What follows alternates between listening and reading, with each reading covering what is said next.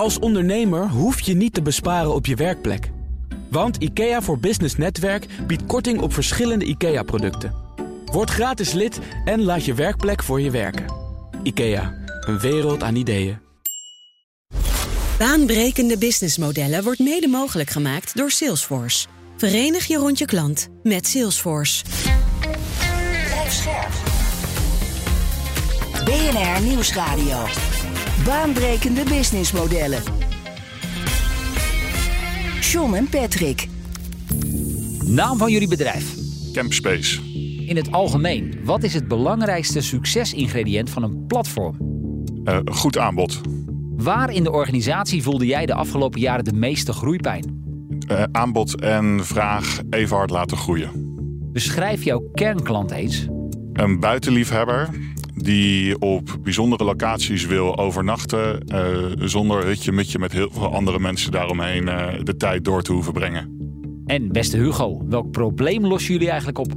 Ja, het probleem eerder een behoefte dat mensen met elkaar graag naar buiten willen om een uh, relaxte tijd te hebben. met het antwoord op de vorige, vorige vraag in acht nemend. Over bedrijven die zichzelf opnieuw uitvinden en nieuwkomers die bestaande markten opschudden. Dit is baanbrekende businessmodellen. Met mij John van Schagen en Patrick van der Pijl. Onze gast is Hugo van Donselaar, de CEO van Campspace. Van harte welkom. Dank. Voor mensen die het platform niet kennen, uh, wie of wat koppel jij aan elkaar? Ja, je hebt het net al een beetje uitgelegd. Wij uh, zijn eigenlijk een platform voor aanbieders van kleinschalige overnachtingen in de natuur. Dus dat kan van yurts en bomen tot aan plekken waar je je camper of tentje meeneemt. Ga je wat meer richting de vakantievilla's, er zijn er allerlei andere mooie platformen waar je dat kan doen. En dat doen we eigenlijk onder de missie Reconnect Outside. Hè? Dus dat mensen met elkaar een fijne tijd buiten kunnen doorbrengen. Dus nu doen we dat door middel van overnachtingen. Maar onder die missie kan je in de toekomst natuurlijk nog veel meer uh, andere activiteiten uh, gaan hangen. En als je dan naar het aanbod kijkt, zijn dat mensen die dat, nou net als Airbnb, die dan ergens een tuinkamer verhuren? Of zijn dat ook echt professionele aanbieders? Ja, het is eigenlijk heel erg een mix. Dus we hebben mensen met een stuk land en zeggen: kom maar op mijn land met je tent of camper staan. Boeren bijvoorbeeld? Uh, b- bijvoorbeeld boeren. Uh, we hebben ook veel zorgboerderijen. Um, maar we hebben ook meer de, uh, de, de professionele verhuurder die een mini-campings aanbiedt met zo zeg maar 20, 25 plekjes. Maar daarbij is het van, voor ons dus wel van belang dat het niet met 500 andere plekken op de massacamping in Frankrijk wordt. Want dan moet je vooral lekker naar, naar de AWB of zo. Ja. Maar dan moet je niet bij ons wat boeken. Nee, het klinkt een beetje als de tegenhanger van de, de all-inclusive concept in Spanje en Griekenland, Patrick. Nou, toevallig gaan wij naar een all-inclusive concept in Turkije. En ik krijg mijn gezin niet mee naar zo'n uh, nee, nee, Is, is niet aan jullie besteed? Nee. Misschien wel aardig. Um, we hebben dit, uh, een van de redenen waarom we dit ook groter en groter willen maken. Omdat we het echt als een duurzaam alternatief zien van dit soort vakanties.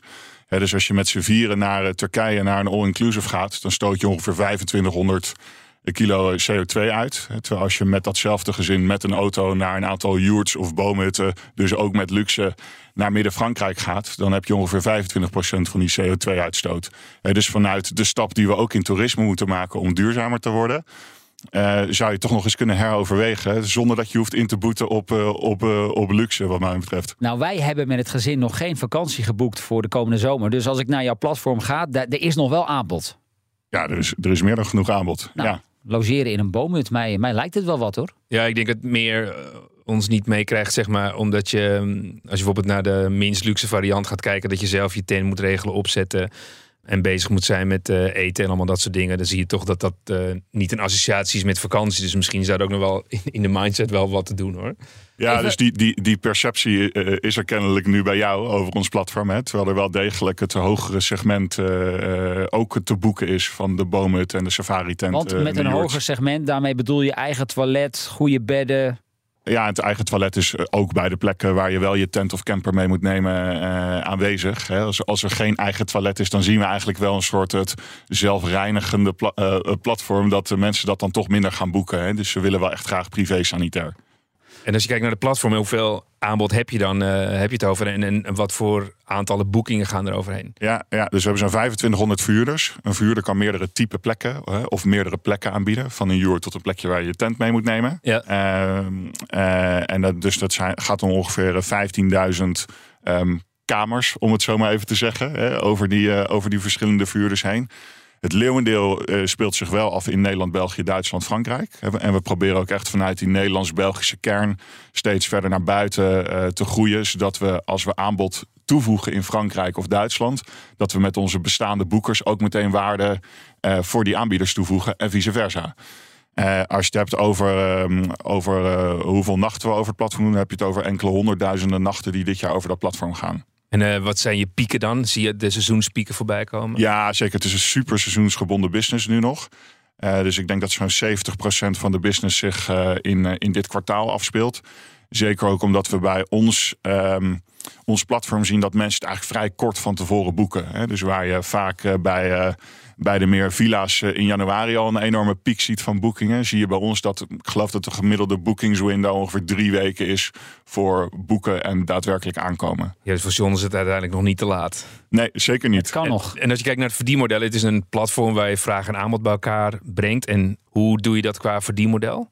Ja, dus we hebben een commissiemodel. en daarnaast hebben we ehm, net een tweede verdienmodel gelanceerd. Waarbij we eigenlijk bij onze succesvolle verhuurders uh, glamping tent plaatsen. Om ook dat hogere segment te bedienen. Wacht even, dus jullie plaatsen daar een glamping tent? Exact. Dus om eigenlijk een soort. Uh, we zagen dat eigenlijk vanzelf al ontstaan op het platform. Dus dat verhuurders zelf begonnen met, nou, zet je tentje of je camper maar neer. Die begonnen dat steeds leuker en interessanter te vinden. En die gingen eigenlijk zichzelf upgraden naar een hoger segment. Door er bijvoorbeeld een caravan via Marktplaats te kopen en die te pimpen en die dan te verhuren. Nou, wij willen ze daar een handje bij helpen en ze daarin ontzien door uh, glamping tenten daar uh, te leveren in een goede deal met een glamping tentenleverancier. En als we dat doen, dan pakken we eigenlijk een iets hogere commissie nog per nacht omdat we de verhuurder daar dan uh, behoorlijk in ontzien. Nu is dat met een uh, binnen de glamping tenten nog een vrij light model. Maar je kan natuurlijk richting de toekomst dat verder uh, gaan uitbouwen met nog grotere tenten of cabins of, of yurts of dat segment. Ja, je zegt commissie. Aan wie vraag je die commissie? Is dat de huurder of de verhuurder? Ja, die vragen we sinds dit jaar aan twee kanten. Dat is natuurlijk de rechtszaak met Airbnb. En die hebben ze gewonnen? En die, en die hebben ze gewonnen, waardoor je aan twee kanten als boekingsplatform... Oké, dus jij, jij wachtte dat, uh, die rechtszaak even af, de uitkomst daarvan. En toen hebben jullie besloten om ook de verhuurder een commissie ja, te vragen. Ja, en dat is natuurlijk een super spannend moment. Uh, want uh, het kan ook zomaar zo zijn dat een heleboel verhuurders dan zeggen... Ja, maar zoveel waarde voegen jullie voor ons niet toe. Nou, het tegendeel was waar. We hebben eigenlijk ja, op, uh, op twee handen te tellen aan verhuurders uh, verloren. Maar je hebt wel scenario's gemaakt, uh, kan ik me zo voorstellen, van tevoren. Want de, de, kans was aanwezig dat dat misschien wel 20 of 30 procent zou zijn. Ja, natuurlijk. En dat, dat blijft natuurlijk ook gewoon ondernemen. Ja. Kijken hoe, hoe dit soort dingen uitpakken. En als je alle antwoorden van tevoren weet, dan, dan zouden we allemaal succesvolle ondernemers zijn misschien. Ja. In 2017 ging feitelijk de eerste versie van jouw platform live. Hoe, hoeveel verhuurders had je toen eigenlijk? Nou, dat was, we hadden toen een soort uh, aanmeldformuliertje die we ongeveer de hele wereld over geslingerd hadden. Dus ik denk dat we in potentie zelfs duizenden verhuurders toen hadden. Maar dan had je het ook over allerlei uh, shady campings in uh, Peru die zich hadden aangemeld. dus volgens mij zijn we toen met een stuk of 250 verhuurders live gegaan. Wat mij betreft met de kennis van nu eigenlijk geografisch gezien veel te wijd verspreid. Dus met de kennis van nu had ik dat veel meer gefocust op Nederland en België. En toen zijn we eigenlijk met een bredere groep uh, zijn we, zijn we live gegaan. Ja, en dan heb je aanbod. Nou, weliswaar bescheiden, maar toch. Um, hoe heb je dan vervolgens die trein aan het rollen gekregen? Want ik geloof zeker in de begintijd, het liep nog niet meteen storm, hè? Nee, nee, zeker niet. En... Uh, we hebben in het begin toen ook wel dingen gedaan waarvan ik uh, nu denk uh, dat dat hadden we eigenlijk nooit moeten nou, doen. Uh, maar dat is, dus, dat is ook ondernemen. We hebben in het begin bijvoorbeeld Camp the Night events georganiseerd om eigenlijk de naamsbekendheid te vergroten. Toen hebben we op allerlei hele rare en onverwachte plekken zijn we gaan kamperen. Dus we hebben onder andere met tenten aan de Euromast gehangen en in het Olympisch Stadion gekampeerd. Ja, super gave events met heel veel media-aandacht. Maar wel gewoon media-aandacht voor de events en niet voor de kern van het platform. Ja. Uh, dus daar is eigenlijk toen uh, te veel uh, in die eerste twee jaar te veel focus verloren. Maar wat echt antwoord op je vraag, wat echt de boel versneld heeft, is eigenlijk met name de lancering van ons Scout-programma. Dus waarbij we vrijwilligers uit de community op pad hebben gestuurd om de plekken in beeld te brengen. Want um, met alle respect, maar de gemiddelde verhuurder op ons platform is niet altijd even sterk ook in het in beeld brengen van zijn, van zijn plek. Terwijl die uh, vrijwilligers uit onze community, uh, de, Instagram-generatie, uh, die zijn behoorlijk getraind in goede foto's maken. En dat zijn natuurlijk ook de mensen die de foto's maken wat ze zelf ook graag zouden willen zien. Dus op het moment dat we die plekken beter in beeld brengen en dan ook direct de beschrijvingen beter maken, et cetera, et cetera, dan zie je dat zo'n verhuurder eigenlijk eh, veel beter gaat, eh, gaat presteren. Maar op hoe heb jij dan die crowd in beweging gekregen? Was daar iets voor, eh, kregen zij daar iets voor terug? Ja, dus ze doen dat in ruil voor een gratis overnachting. Hè, wat, wat in zichzelf op dat moment ook een enorme mooie proof of concept was. Dat mensen eigenlijk hè, honderden vrijwilligers op pad wilden gaan naar plekken. zonder dat ze wisten waar ze naartoe gingen. Want hè, daar moesten ze zelf voor gaan zorgen. Ja. Eh, dus dat was, eh, dat was ook wel een van de eerste momenten dat ik dacht van... hé, hey, hier, hier begint echt iets Het te is een ontstaan. mooi staaltje growth hacking dit feitelijk, hè? Ja, maar het was natuurlijk ook wel bekend bij Airbnb dat je uiteindelijk met echt goede kwaliteit foto's moet komen. En dan ook de vraag van hey, hoe kan je dat op schaal doen? Maar ik denk zeg maar wat ik wat zoek voor, voor die groei is dat je een community kunt aanschakelen die dat gaat doen. Dat is natuurlijk echt heel tof. En als je naar de website kijkt, eh, ziet er wel echt heel goed uit. Als je ehm, die foto's ziet, dan krijg je ook wel zin om eh, een tent daar op te slaan. Zelfs de familie van der Pijl. Ik zou dit zelfs eh, doen. Ik weet niet of de familie. Misschien vanavond toch even over gaan hebben. Ehm, ik stelde jou net de vraag: wat is belangrijk, een belangrijk aspect aan een online platform? Je zei een goed wijdverbreid aanbod. Is het zo dat iedereen mag aansluiten? Of hoe zit dat? Ga je dat ook nog cureren? Ja, dat cureren we zeker. Omdat we die kwaliteit ook hoog willen houden. En wijdverbreid kan je op, eh, natuurlijk over verschillende assen zien. Dan kan je over de geografische as zien. Eh, dat, is, dat is belangrijk. Maar wat ik net al zei, daarin moet je ook niet te snel te breed gaan. Want je wil zo'n verhuurder wel snel een eerste boeking geven. En als je zowel in Nederland als in Spanje vraag moet gaan genereren... eh, dan kost dat wel heel veel tijd en resources vanuit je organisatie. Maar stel, ik ben een vijf sterren camping in Overijssel. Mag ik dan ook mijn overige plekken die ik nog niet verhuurd heb, mag ik dan via jouw platform die eh, aan de crowd ter beschikking stellen? Ja, dat hangt er dus vanaf waar wij als team vinden wat voor een gevoel jouw camping uitstraalt. Hè. Dus op het moment dat jouw camping uitstraalt, hè, je zit hier nog met de 300 andere plekken en je zit rij aan rij, ja, dan dat is niet helemaal het gevoel wat wij nastreven op ons platform. Dus ik kan het niet echt eh, zeggen van ja, vanaf 25 plekken niet meer. Dus het gaat echt om het gevoel. En ja, daar, daar cureren wij met het team op. Eh, maar uiteindelijk proberen we daar wel af en toe wat breder in te gaan. Dus zodat niet alleen wij dat met het team cureren, maar dat het vooral ook door de vraag op het platform gecureerd wordt. BNR Nieuwsradio. Baanbrekende businessmodellen. Met deze keer het verhaal over Campspace. Zometeen meer, maar nu eerst weer een ander businessmodel in de spotlights. En dat doen we deze keer met Nikki Seelen van Business Models Inc. En zij wil het hebben over Paddle Plus is een Zwitsers bedrijf, opgericht in eh, 2020. En eh, ze maken herbruikbare waterflessen die eh, aan de onderkant een afneembare CO2-gastank hebben. En die tank die zet plat water om in bruisend water. En dan kun je dus eigenlijk altijd overal eh, genieten van bruisend water. Nou, voor het probleem dat dit bedrijf hiermee wil oplossen, hoeven we niet zo lang te zoeken. Dat is namelijk de enorme hoeveelheid met plastic flesjes die hiervoor normaal gesproken wordt gebruikt. De markt van bruisend water had in 2020, dus toen eh Battle Plus begon, een omvang van bijna 30 miljard dollar. En ze verwachten dat dat tot eh, 2028 nog met eh, 12,5% eh, zal groeien. Nou, je kan je dus voorstellen dat met die groei het aantal eh, verpakkingen ook groeit, maar het aantal verspilde flesjes en blikjes eh, dus ook echt een groot probleem kan worden. Je hoorde het al, het bedrijf is opgericht in Zwitserland en ze verkopen dus speciale flessen inmiddels ook in Duitsland en Oostenrijk. Nou ja, verkopen, het gaat om pre-orders. Want eh, ze zijn nog bezig eh, met het ophalen van eh, financiering. Hebben ze in de eerste ronde met Kickstarter gedaan. En daar zijn de eerste 100 flessen in productie genomen. Dus je kan hem op dit moment alvast bestellen, maar nog niet ontvangen in Nederland. Het concept moet zich nog gaan bewijzen dus. En dan is altijd de grote vraag, wat zijn daarbij de uitdagingen? Als je kijkt naar de interviews met, eh, met de vijf eh, ondernemers. Zij zeiden eigenlijk, starten was voor ons de allergrootste uitdaging. Hè? Dus durf hebben om, eh, om echt vol in te zetten, om met het idee aan de slag te gaan, was een grote uitdaging. Maar daarnaast zie je, zoals bij veel start-ups, het vinden van financiering en het ontwikkelen van product uitdagingen zijn. En eh, waar ik zelf nog wel een kleine uitdaging zie, is eh, met de prijs van een fles. eh, ben ik benieuwd hoe groot marktaandeel ze kunnen krijgen. Oké, maar waar hebben we dan concreet over? prijskaartje van de fles alleen is eh 250 euro. En dan moet je dus nog de cilinders bijkopen om de CO2-tank eh, thuis te kunnen vullen. Tja, en dat is best een flinke smak met geld. Ik ben benieuwd. Nicky Seelen was dat van Business Models Inc. Collega ook van Patrick. Wij praten verder met eh, Hugo van Donselaar van Campspace. Eh, ja, Patrick, jij wilde geloof ik nog iets zeggen over dat aanbod, hè? Ja, ik moest wel denken aan eh, een heel ver verleden. Dan eh, gingen met mijn ouders kamperen. Maar dan was er een, volgens mij een ANWB-gids. Daar stond echt in Nederland, het was zo dik als een telefoongids, alle aanbod gewoon in. Maar dan van of er een stekker was of, of, of noem het maar op. Hoe zie je dat, ehm, dat aanbod, zeg maar, hoe dat nu is veranderd? Of uh, hoe mensen zich op dat moment, uh, of dit moment dan oriënteren?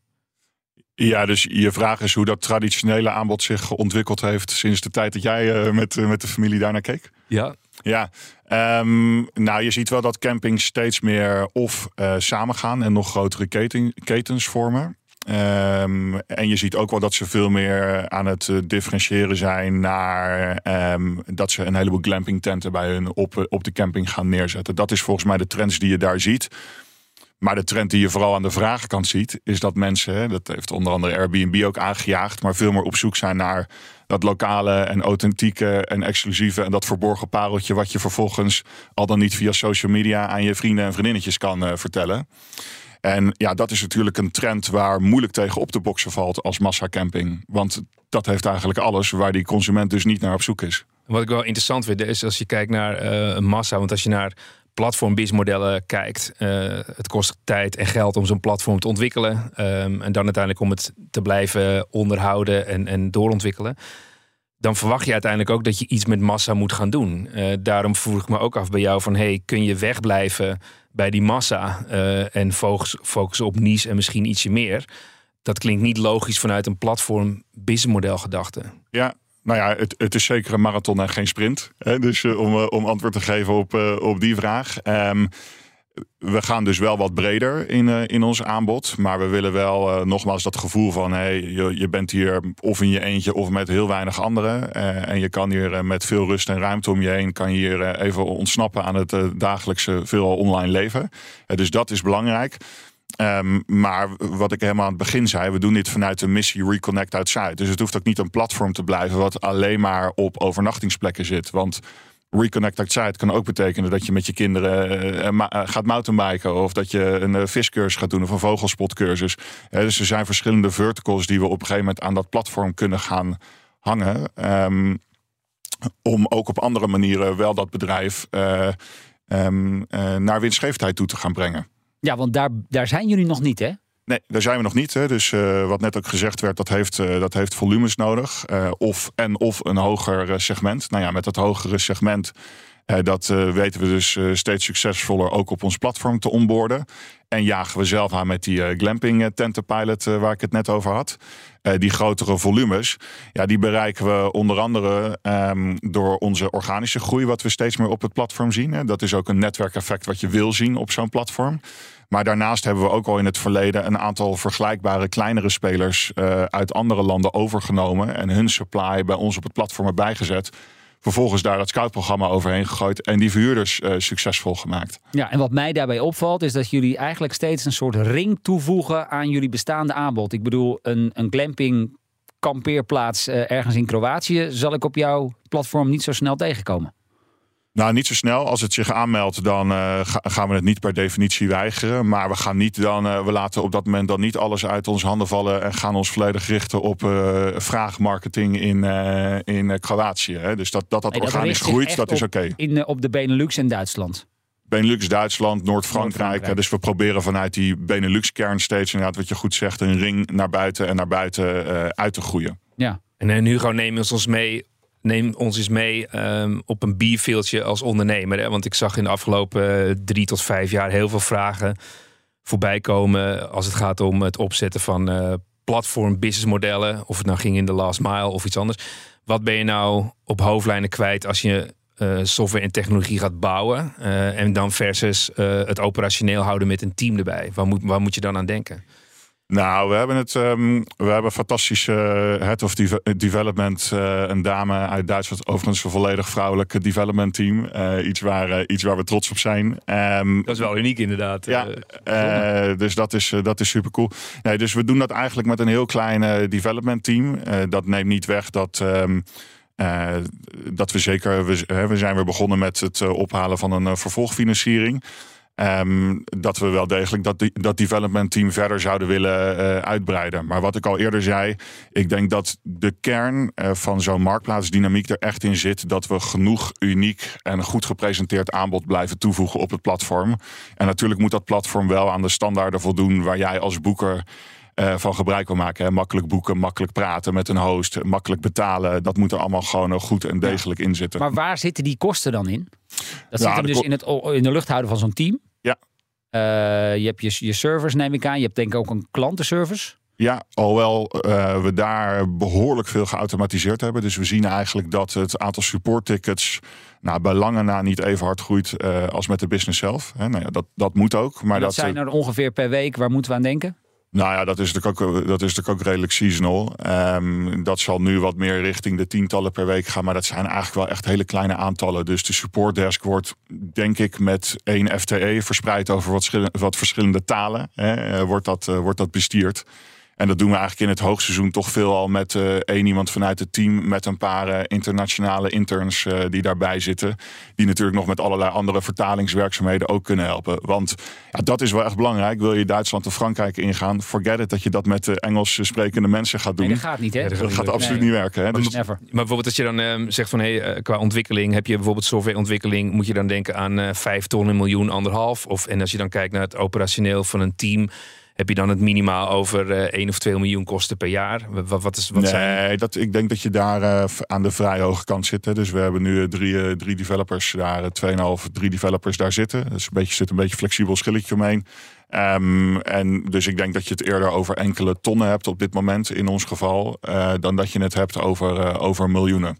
Dat klinkt redelijk lean en mean. Dat denk ik ook. Ja, maar dat moet ook hè, gezien die uitdaging die er is met dat je, ja, je hebt veel massa nodig. Um, en uh, tegelijkertijd is natuurlijk het investeerderslandschap uh, uh, de afgelopen 15 maanden sinds de oorlog is uitgebroken in Oekraïne ook veranderd.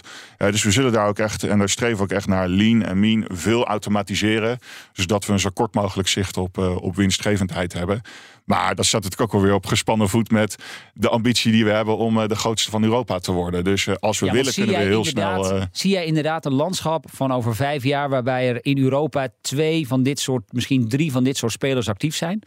Ja, nou ja, in ieder geval zie je dat de markt gaat consolideren. Hè. Dus er zijn tijdens corona meer campspaces in de landen om ons heen ontstaan. Maar het is inderdaad, het is een marathon. Uh, je moet als uh, oprichtersgroep moet je en dat platform onderhouden en financiering ophalen en het kippen of het ei verhaal kraken en de netwerkeffecten op je marktplaats realiseren. Nou, ja, dat hebben wij allemaal nu goed onder controle. En we hebben dus al een aantal van die uh, overnames gedaan. Dus wat dat betreft denk ik dat we goed gepositioneerd zijn om een van die consolidators te worden in deze markt. Ja. En als je kijkt naar bijvoorbeeld naar een exit of naar een strategisch partnership. Sluit je dan bijvoorbeeld partnerships uit met uh, TUI of met uh, misschien vakantieparken die naar een veel groter aanbod willen? Of, of hoe zie je dat? Nou, we sluiten op voorhand niets, niets uit. Maar het is wel zo dat er in de kern van ons team een enorme gedrevenheid zit om dat uh, toerisme te verduurzamen. Dus ja, da daarin moeten we wel selectief zijn. We hebben in het verleden zijn we ook wel eens voor een accelerator-programma benaderd, waar onder andere een vliegmaatschappij in investeerde. En om die reden hebben we dat toen uh, eigenlijk niet gedaan. Omdat we dat op dat moment ook niet goed te vereenzelvigen vonden met uh, die missie om, uh, om toerisme te verduurzamen. Ja, want nu zie je wel heel veel grote corporate bedrijven die eigenlijk aan hun doelstellingen of SDG-doelstellingen moeten voldoen. En die denken: oh mooi, dan neem ik die hele campspace over en dan kan ik check the box, ben ik in één keer klaar. Ja. Nou ja, ik denk dat je, wij merken al snel genoeg, of hè, ik voer die gesprekken veel natuurlijk ook zelf. Uh, wel de oprechtheid van uh, hiervan. En daar, nou ja, daar heb ik natuurlijk best wel trucjes voor om daar doorheen te prikken. En dan kom je er denk ik snel genoeg achter. Dus nee, we sluiten het niet bij voorbaat uit. Maar op het moment dat we een strategisch partnership of dat we ergens anders geïntegreerd zouden worden, wat op dit moment absoluut niet de droom is. Uh, maar als we dat zouden doen, ja, dan zou het natuurlijk wel vooral heel mooi zijn als dat een bedrijf is wat in de kern zich ook heel erg op de verduurzaming van toerisme richt. Uh, of ook een product heeft wat vanuit de kern duurzaam is. Hè, wat niet voortdurend ge gecompenseerd hoeft te worden met bomenplanten. Want uh, bomenplanten om toerisme te compenseren is een volstrekt onhaalbaar idee. Ja, ja, ja. ja. En, en een ander punt, als je kijkt naar jullie groeistrategieën, dan zie je eigenlijk als je kijkt en denkt over uh, businessmodellen, dan is er een optie zeg maar, om binnen je huidig BIS-model uh, te groeien. Dan wel zeg maar, uh, bijvoorbeeld het aantal uh, overnachtingen te vergroten, zodat je gemiddelde ordewaarde hoger wordt. Een ander wat je zegt is, hey, die ringen, wat John zei, toevoegen, zodat je andere proposities gaat toevoegen. Maar ook eentje is natuurlijk internationaal uitbreiden. Als je nu nadenkt over jouw groeistrategie, wat levert het, het meeste op? en, en welke pak je nu beet om in de komende periode ja. uit te rollen? Nou ja, je noemt ze goed. De, kijk, de, de holy grail voor marketplaces zit hem eigenlijk in een gedifferentieerd supply, zowel geografisch als het type aanbod. Hè? Dus van glamping tot tentplekken, et cetera. Dus dat is waar nu eh, de strategie op ligt. Ja, dus, dus dat lijkt eigenlijk wel een soort minimum iets waar je aan moet gaan voldoen, wil je dat spel goed kunnen spelen. Dus zowel in de goede regio's beschikbaar zijn en een aantal proposities op elkaar te kunnen stapelen. Exact, exact. En dat maakt je marktplaats ook het best uh, uh, verdedigbaar uh, in, in, in de markt. Hè. Dus dat is echt de holy grail waar we naar streven. En dat is bijvoorbeeld echt wel een ander netwerkeffect dan bijvoorbeeld Uber. Hè, waar je toch heel erg Amsterdamse vraag aan Amsterdamse aanbod koppelt. En bij ons gaat dat eigenlijk en over de grenzen heen en over verschillende typen aanbod gaat dat heen. dus daar, dat is waar we echt naar, naar streven. En is dan bijvoorbeeld zo'n uh, beversport ook misschien dat zijn dat merken die je uiteindelijk kunt gaan toevoegen? Die um, dat, dat is al toegevoegd. Ze, dus, al toegevoegd. We hebben partnerships met Bever, met AZ Adventure, maar ook met GoBooney, een deelplatform voor campers. ook, ook een mooie manier om, om een stap te zetten in, ja, in de verduurzaming. Die doelgroep. Daar zit die doelgroep. Um, dus dat zijn belangrijke partnerships. Um, maar ook daar zie je vaak, hè, met Bever noemde ik net en AZ Venture in België. Die worden dan weliswaar, daar hangt dezelfde holding boven. Maar ook daar heb je vaak local players. Hè. Dus daar, ook daar moet je echt land voor land kijken. Welke partners uh, haken we daar aan? Um, om ook daar weer meer naamsbekendheid te vergaren. En die verticals waar jij het uh, eerder over had, uh, mountainbike in de natuur en dergelijke, is dat iets wat, waarvan jullie de schets al op papier hebben staan? Of moet zich dat in de toekomst nog gaan ontwikkelen? Um, Beide. Die markt is overigens echt gigantisch eh, voor, uh, voor outdoor activiteiten. Dus dat is een hele interessante vertical en markt om ook uit te gaan putten. We zien het ook al ontstaan. Hè? Dus we zien al ontstaan dat verhuurders uh, een viscursus aanbieden of subboarden ook verhuren om daarmee ook die, die ticket value verder te verhogen. Maar ook pottenbakcursussen, yoga cursussen. En ja, en de eerlijkheid gebied wel te zeggen dat een gemiddelde yoga-cursus vanuit een financieel perspectief soms wel interessanter is dan een eh, tentje bij iemand in de tuin pitchen. dus dat zijn vanuit dat perspectief ook hele interessante modellen om toe te gaan voegen aan de marktplaats. En het valt prachtig onder die missie Reconnect Zuid. Ja, wat ik altijd hoor van mensen die een platform zijn begonnen, en daarmee gaan we dus ook even terug de tijd in, uh, bereid je die eerste periode goed voor op allerlei technische hiccups. Um, waar krijg jij, ja, jij hebt ongetwijfeld ook wel de nodige kopzorgen gehad. Wat, wat, hoe, ging dat bij jullie? Ja, um, nou ja, we zijn ooit begonnen, uh, niet vanuit die missie Reconnected Site, maar Camp Anywhere. Toen was het echt van iemand met een tuintje in de tuin, of een tentje in de tuin uh, voor één persoon of een paar personen. En zo was ook de pricing opgebouwd. Toen gingen we op een gegeven moment wat breder met verhuurders die meerdere type plekken wilden aanbieden. Hoogseizoen, laagseizoenprijzen, availability goed managen, et cetera, et cetera. En toen dachten we, ja, dit dit kunnen we absoluut niet zelf uh, gaan bouwen. Tenminste, we kunnen het wel zelf gaan bouwen, maar dan duurt het, uh, dan duurt het behoorlijk lang. Zeker met een klein development team. Dus een technische hiccup die we daarbij hebben opgelost, is dat we eigenlijk een stuk softwarecode van een meer traditionele softwareoplossing voor campings hebben gekocht. Dat hebben we omgekat en in ons platform gehangen. En eigenlijk sindsdien zien we ook dat we voor de iets grotere, professionelere eh, verhuurder eigenlijk voldoende uh, functionaliteit op het platform hebben. En horen we eigenlijk vanuit die reden nauwelijks uh, meer nee. Nee, dus het is niet zo dat jullie in het begin, bijvoorbeeld op vrijdagavond, dat jij werd gebeld van hey, het loopt hier helemaal vast en snel naar kantoor en proberen dat te verhelpen. Die kopzorg hebben jullie niet gehad. Nee, de website is er tot nu toe, uh, klopt even af hier op uh, blank hout, maar uh, dat, ja. de website is er tot nu toe, ik denk op één hand te tellen, de afgelopen jaren uitgevallen. Zelfs toen jullie met corona die enorme sprong voorwaarts maakten. Ja, toen de coronacrisis uitbrak, denk ik dat we net als iedereen. De eerste reactie was: uh, wat gaat er nu gebeuren? En de tweede reactie was: ja, maar als de uh, restricties er zo meteen van afgaan dan zijn wij eigenlijk de oplossing. Want mensen wilden in de natuur met weinig andere mensen om zich heen, dicht bij huis, uh, toch even eruit kunnen. Nou, dat is ongeveer alles wat wij doen. dus toen vlak uh, voordat de restricties er vanaf gingen, hebben we een grote software upgrade aan het hele platform. En met name ook het managen van het platform hebben we doorgevoerd. En dat was echt net op tijd ging dat live. Waardoor we die enorme spike van corona hebben aangekund. Ja, soms moet je die mazzel ook wel eens hebben. ja, zo zit het gewoon. Andere vraag, als je um, kijkt naar de match in uh, vraag en aanbod, hè, dan zie je eigenlijk iemand die dit leuk vindt en die het gewend is. Um, en daar heb je dan aanbod voor. Maar als je dan zeg maar de andere mensen wilt overhalen, uh, dus kijk naar bijvoorbeeld mijzelf. Hoe kijk je daarnaar? Uh, hoe ga je mensen opleiden en aan de hand nemen om zeg maar de volgende doelgroep te zijn? Oftewel misschien luisteraars, hey, hoe krijg je deze luisteraars naar de eerste boeking toe? Ja, ja. Nou ja, onder andere dus door ook een ander segment aan te, uh, aan te bieden. Maar dit is, een, dit is een ongoing discussie ook in het team. Hè. Breaking, uh, breaking out of the niche. Waar echt de diehard kampeerder met zijn tentje komt. dus dat, dat is een terecht punt wat je aanhaalt. Nou, dat doen we onder andere door uh, het makkelijker te maken om bijvoorbeeld een campertje te boeken in een partnership met Gabuni. Maar dat doen we ook door een hoger uh, segment aan te bieden. Waar je wel als boeker gewoon dat buitenleven in kan dicht bij huis. Maar zonder dat je je eigen tent of, of vouwwagen hoeft mee te nemen. En dan zou, je dan zou het zo kunnen zijn dat je dan op een gegeven moment zegt van hé, hey, als we dan één keer iemand in zo'n ervaring krijgen dan gaat hij uiteindelijk vaker terugkomen omdat hij het leuk vindt. Heb je daar al bewijs of gevoel bij? Ja, nou ja, daar hebben we zeker bewijs bij. Hè. Dus uh, uh, we, zien, we zien de retentie behoorlijk toenemen op het platform. Uh, we zijn er wel van overtuigd dat dat eigenlijk door twee, hoofdzakelijk twee dingen gedreven wordt. Dat is door genoeg uniek aanbod over een zo groot mogelijk geografisch gebied. Ja. En door gewoon het gebruiksgemak van het platform zelf. Maar bijvoorbeeld, ja, en maar zou dan bijvoorbeeld kunnen zijn dat je zegt van ja, maar als ik Sean één keer naar binnen krijg en die krijg ik een nachtje in, in een tent bij een uh, boer op een plek. Weet je dan wat de conversie zou zijn dat hij dat de volgende keer weer een keer gaat doen? Ja, ja dat weten we.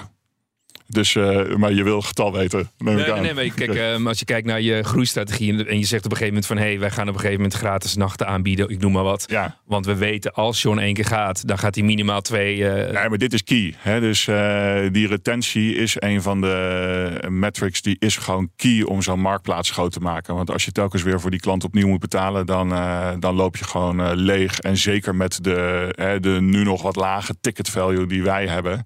Dus retentie is daarin extreem, eh, extreem belangrijk. Want dan kan me wel weer voorstellen waar je het eerder over had. Uh, zeg maar die gekke overnachting op de Euromars natuurlijk iets minder. Maar door dat soort ervaringen uh, bewust te gaan delen. De, waardoor misschien anderen denken van... hé, hey, misschien moet ik toch een keer de stapje zetten. Of naar aanleiding van deze uitzending natuurlijk. Ja, nou ja, dat doen we onder andere door eigenlijk dat micro-influencer leger aan, aan scouts die, die op pad gaat. En niet alleen die foto's voor ons platform maakt, maar dat ook dan aan het delen is op hun eigen social kanalen. En dat zijn, uh, dat zijn lang niet altijd diehard kampeerders. Dat zijn gewoon mensen die op avontuur willen. En dan eigenlijk ook andere mensen weer aansporen om ook op avontuur te gaan. Ja, Patrick, ik zie hier staan overnachten bij natuurcamping Dr. Rombouts in uh, Vlaams-Brabant, België dus. Uh, kom overnachten in een grote tuin met fruitbomen, serres en een klein bosje waar je kan verpozen in een van de gezellige hoekjes in het groen. Er zit ook een boomhut bij. Misschien toch even voorstellen thuis. En sanitaire voorzieningen? Uh, eens even kijken. Er is naast de oude badkamer binnen ook een heerlijke buitendouche met warm water en een vuurplaats. Ehm nou. John, klinkt wel gezellig als misschien ons BNR-uitje samen. Nou, laten we eens toch maar eens even gaan kijken. We gaan na de uitzending maar eens even, eh, even verder zoeken op het platform. Uh, Hugo van Donselaar, dankjewel voor jouw komst naar de studio. Veel geleerd. En tegen de luisteraar zeg ik uh, dank voor het luisteren. En Patrick en ik zijn er volgende week weer. Wil je voor die tijd al meer luisteren? Nou, check dan zeker ook onze andere afleveringen... die je vindt op vrijwel alle bekende podcastkanalen. Tot volgende week. Baanbrekende businessmodellen wordt mede mogelijk gemaakt door Salesforce. Verenig je rond je klant met Salesforce. Als ondernemer hoef je niet te besparen op je werkplek. Want IKEA voor Business Netwerk biedt korting op verschillende IKEA-producten. Word gratis lid en laat je werkplek voor je werken. IKEA, een wereld aan ideeën.